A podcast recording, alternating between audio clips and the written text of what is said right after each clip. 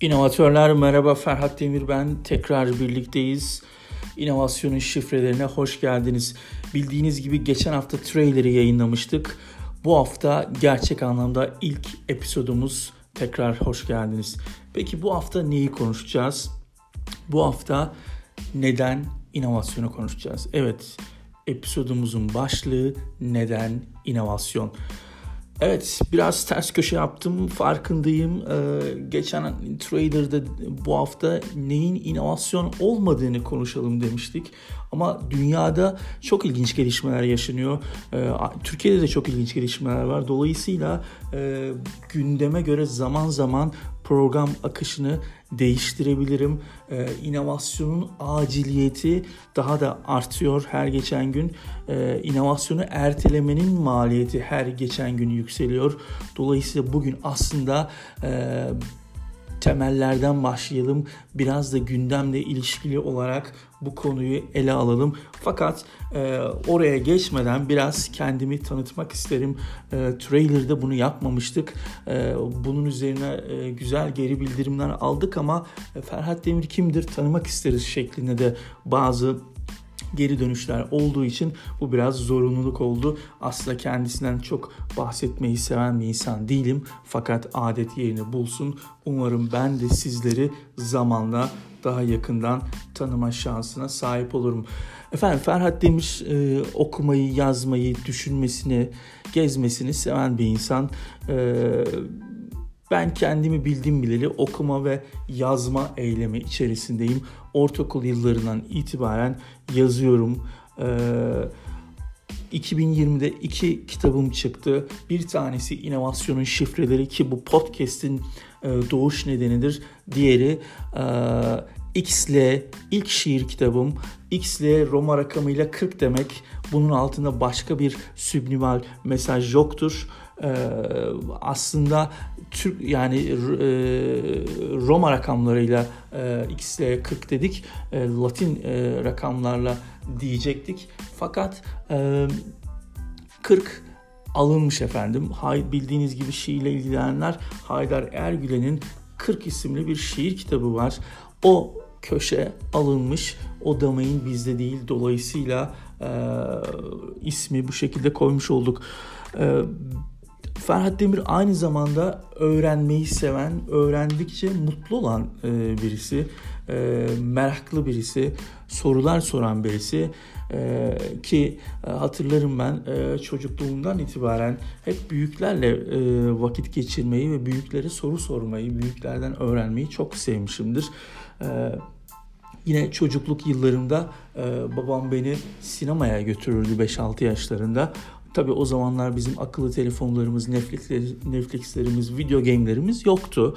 Ee, babam da sıkı bir sinema tutkunu olarak e, Ankaralılar bilir e, Kızılırmak sinemasına, Kavaklıdere sinemasına beni az götürmemiştir.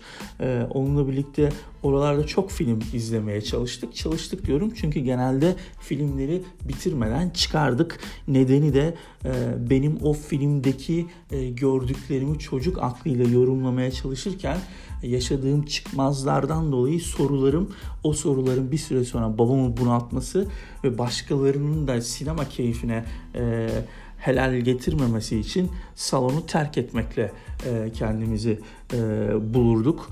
E, ama sorular sormayı, bu merak duygusu beni e, çok yerlere götürdü. Amerikalara kadar götürdü.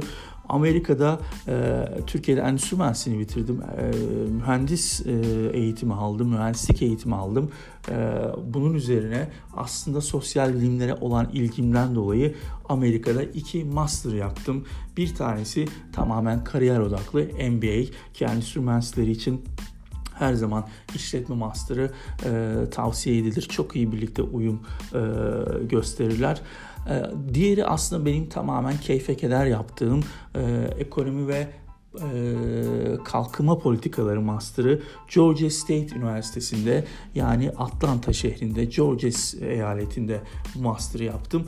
E, Atlanta aslında çok bilinen bir şehir değil Türkiye'de e, ki son yıllara kadar hatta bu e, birkaç ay öncesine kadar e, bildiğiniz gibi Amerikan seçimlerinden dolayı Georgia çok kritik bir eyalet olduğu için Atlanta'da o eyaletin başkenti dünyada daha fazla bilinir oldu. Aslında Atlanta çok önemli bir şehir Amerika için. Güneydoğu bölgesinin en büyük şehri. Güneydoğu dediğimiz bölgede Miami de vardır efendim. Dolayısıyla Miami'den de büyük bir şehirdir. Coca-Cola, Delta, e, CNN gibi e, küresel markaların doğduğu şehirdir. E, rap müziğin doğduğu şehirdir. Atlanta'nın e, Atlanta Hava Yolları dünyanın en büyük hava yollarıdır. Dolayısıyla önemli bir şehir. Aynı zamanda Atlanta siyahiler için çok sembolik bir şehir. Ee, okuduğum okul Andrew Young School of Policy.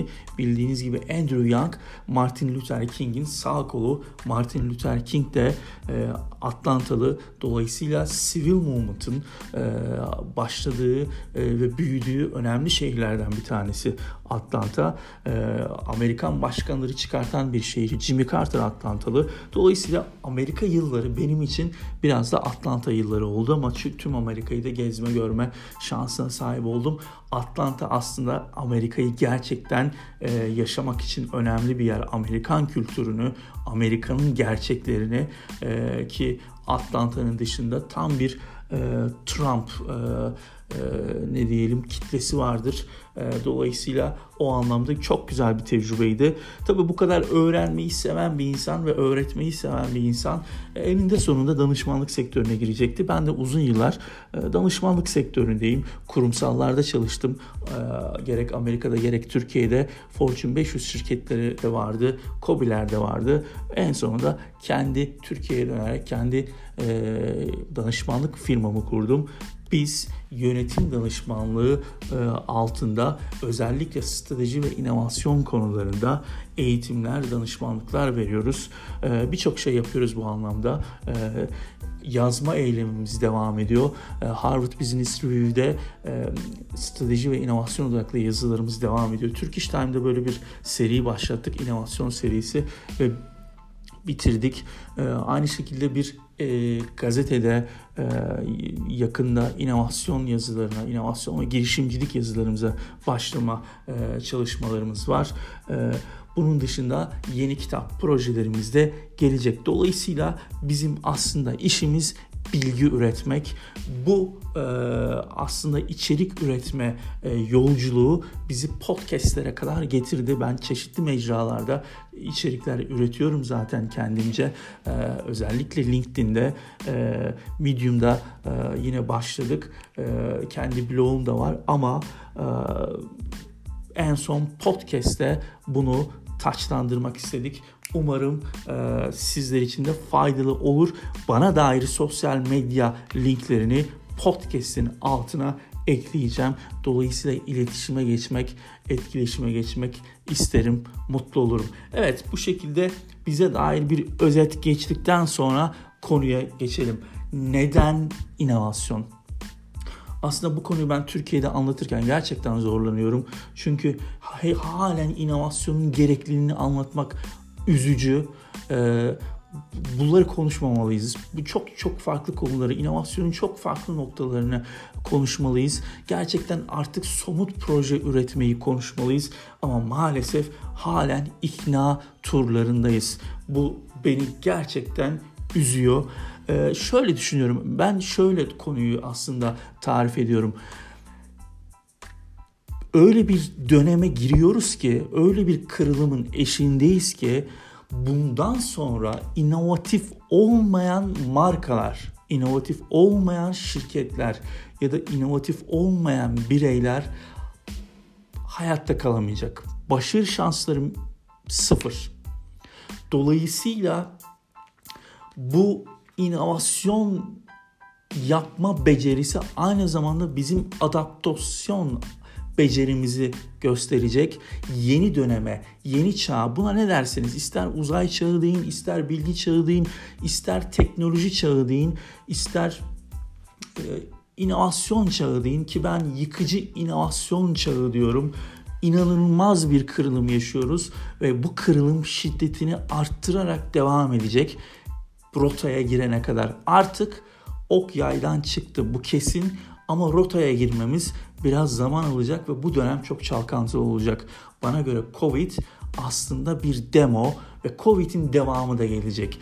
Bu farklı virüsler olabilir, farklı e, uyarılar olabilir, farklı uyaranlar olabilir, farklı felaketler olabilir ama yeni döneme hoş geldiniz. Dolayısıyla yıkıcı inovasyon çağında hepimiz başarılı olmak zorundayız. Sadece markalar değil, bireyler de aynı zamanda ki ben de bir inovasyon e, tutkunu olarak mesleği inovasyonu anlatmak olan, işi inovasyonu anlatmak olan birisi olarak ben de eğer inovasyon yapamazsam benim de ayakta kalma şansım yok. Dolayısıyla e, ben de kendimi sürekli yenilemek, güncellemek zorundayım. Aslında bu podcast e, bir nevi bu güncelleme ve yenileme çabalarının bir sonucudur, bir uzantısıdır. E, Covid 19 aslında bize bir atılan tokat. Bu tokat bizi kendimize getirmesi gerekir. Bizi biraz silkelemesi gerekir. Eğer hala silkelenmiyorsak e tabi e, daha büyük felaketler de e, belki bizleri bulabilir. Covid bir proje miydi?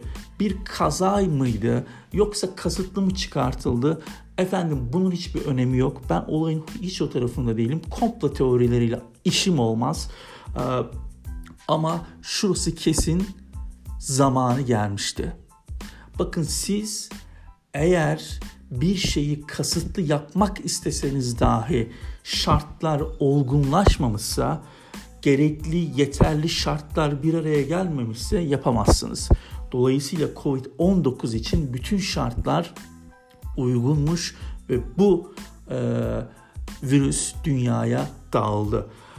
Ve artık insanlık yaşadığı sürece bu virüste devam edecek diye düşünüyorum. Artık cin lambadan çıktı. Bunun geri dönüşü yok. Bu ve benzeri olaylar bizi yeni bir döneme hazırlıyor. Ben buna yıkıcı inovasyon çağı diyorum biraz önce söylediğim gibi.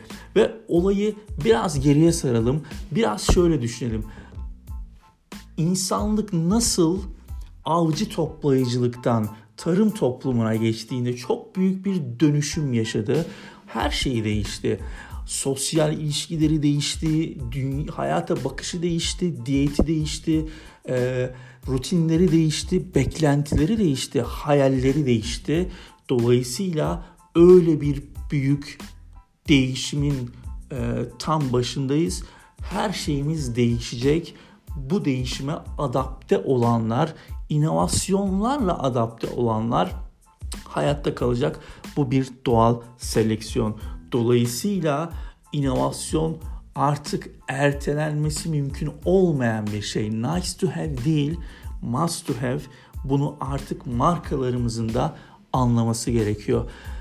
Markalarımız için bir parantezi daha açalım. O da şudur. Sanayi devrimi ve öncesi sonrası o dönem sanayi çağı diyebiliriz. O dönemin rekabet faktörü verimlilikti. Yani verimli olmayan şirketlerin ayakta kalma şansı yoktu. Ama bu çağın, yıkıcı inovasyon çağının rekabet faktörü verimlilik değil. Yeni rekabet faktörü inovasyon ve bu inovasyon olması uzun yüzyıllar devam edecek. Halen verimlilikte takılıp kalanlar halen iyileştirmelerle, küçük iyileştirmelerle büyük dönüşümler başarabileceğini zannedenler maalesef çok yanılıyor. Siz hale verimli olamadıysanız, halen verimli bir şirket değilseniz geçmiş olsun. Zaten bugüne, bugüne kadar verimliliği becermiş, başarmış olmamız gerekiyordu. Ee, bu anlamda sürekli iyileştirmeler, kaizenler evet güzeldir, hoştur, olmalıdır. Ama bizim gibi az gelişmiş ülkelerin büyük sıçramalar yapması için yeterli değildir. Bizim radikal, aykırı, yüksek etkili, yıkıcı inovasyonlara ihtiyacımız var. Bunu artık anlayalım lütfen. İnovasyonun e, neden acil olduğunu artık kavrayalım. Dolayısıyla inovasyon e, bu anlamda e, son derece artık geri dönülmez bir yol. E, tabii bu konuşmalar yapılırken şu aklımıza geliyor yavaş yavaş da episodu çok uzatmadan sonlandırmak istiyorum. Ee, ama şu kısım yani hep mi iş konuşacağız, hep mi rekabet konuşacağız, hep mi rekabet olacak? Evet yani e, işte kapitalizmin e, bir sonucu olarak e, sürekli e, üretmek, sürekli verimli olmak, sürekli inovatif olmak mı zorundayız? Efendim değiliz, değilsiniz. E, bu bir seçim. E, o seçimde bulunabilirsiniz ve o seçiminde sonuçlarına e, razı oluruz.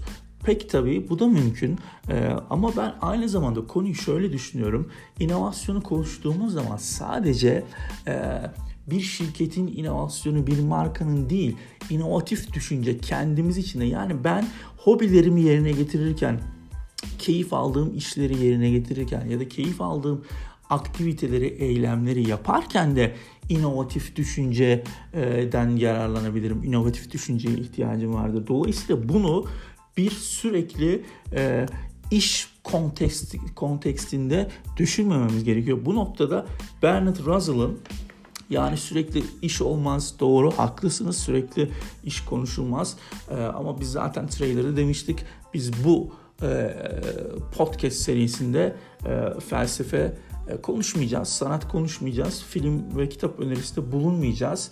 Tek tük belki arada bir yeri gelmişken şu an olduğu gibi Bernard Russell'ın e, çok sevdiğim filozoflardan bir tanesidir. Ahlaklığa övgü kitabı vardır. Orada anlatır insanın aslında verimli çalışarak e, günde 4 saat çalışarak şu anda ürettiği çıktığı üretebileceğini söyler. Geriye kalan 4 saati de işten kalan zevklerini, keyiflerini ayırır. Yani biz zaten inovasyonu becerirsek onun öncesinde verimliliği de becermiş olsaydık ve verimliliği de becermiş olduğumuzu varsayalım. O zaman zaten kendimize zaman fazlasıyla kalacak ki o zamanda da dediğim gibi inovasyonla, e, inovatif düşünceyle desteklenen pek çok şey yapabiliriz. Yapmasak da dediğim gibi inovasyon bizi daha verimli kılabilir. Dolayısıyla şöyle toparlayalım.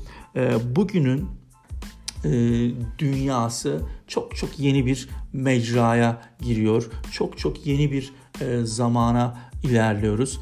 Bu dönemde inovatif olmazsa olmaz. O artık sanayi çağı, e, soğuk savaş dönemi mantıklarıyla hareket etmeyi bırakalım. Biraz şu küllerimizden arınalım, biraz kendimize gelelim, biraz silkelenelim.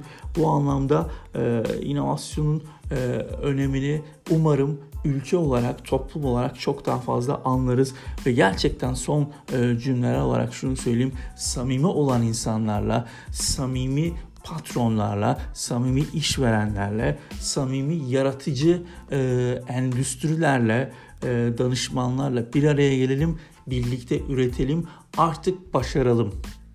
Artık bu ülke hak ettiği büyüklüğüne yaraşır noktaya gelsin. Bunun tek bir yolu var, o da inovasyon. Boş laflarla, e, slogan e, atmalarla, e, manipülasyonlarla, dezenformasyonlarla inovasyon olmaz. İnovasyon tiyatroyla da başarılmaz. İnovasyon PR aracı da değildir.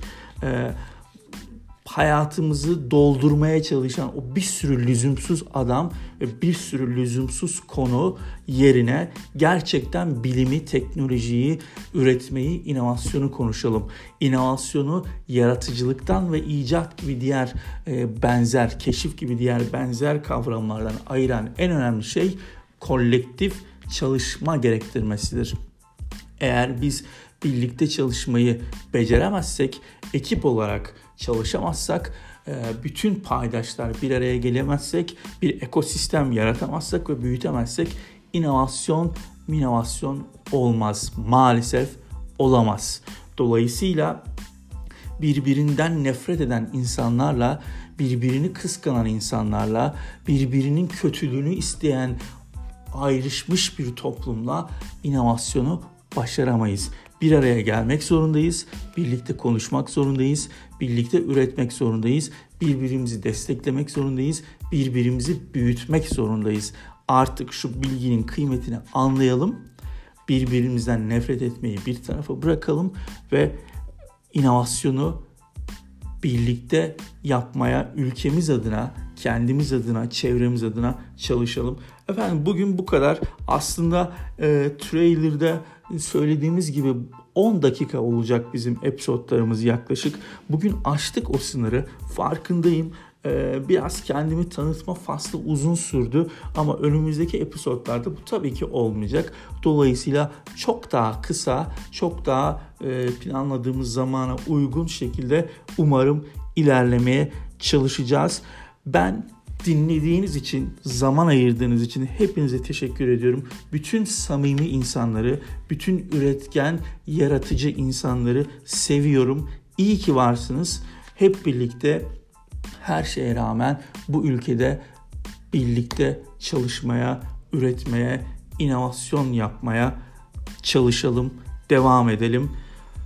Hoşça kalın, inovasyonla kalın.